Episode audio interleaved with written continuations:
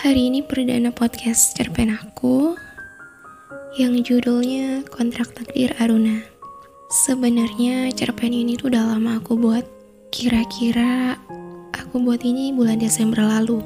Ya, semoga aja ke depannya suatu hari nanti aku bisa podcastin novel karya aku sendiri. Terkadang didewasakan sama keadaan itu nggak melulu buat diri kita ngerti apa arti sebuah kehidupan. Yang ada itu cuma buat sesek aja, dan itu yang sampai sekarang aku rasain. Entah kenapa aku tuh ngerasa saat orang yang dulu sering banget aku buat khawatir setiap kali aku naik sepeda berubah jadi orang yang hampir setiap harinya bekas lebam di lengan kiri aku. Hai, aku Una.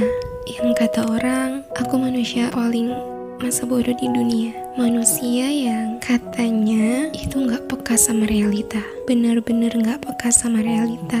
Dan yang katanya lagi, aku ya gitu deh. Mungkin aku harus percaya kalau itu emang aku di mata mereka. Karena aku sendiri nggak tahu tentang aku ataupun hidup yang aku jalani sekarang karena semuanya udah berubah. Benar-benar berubah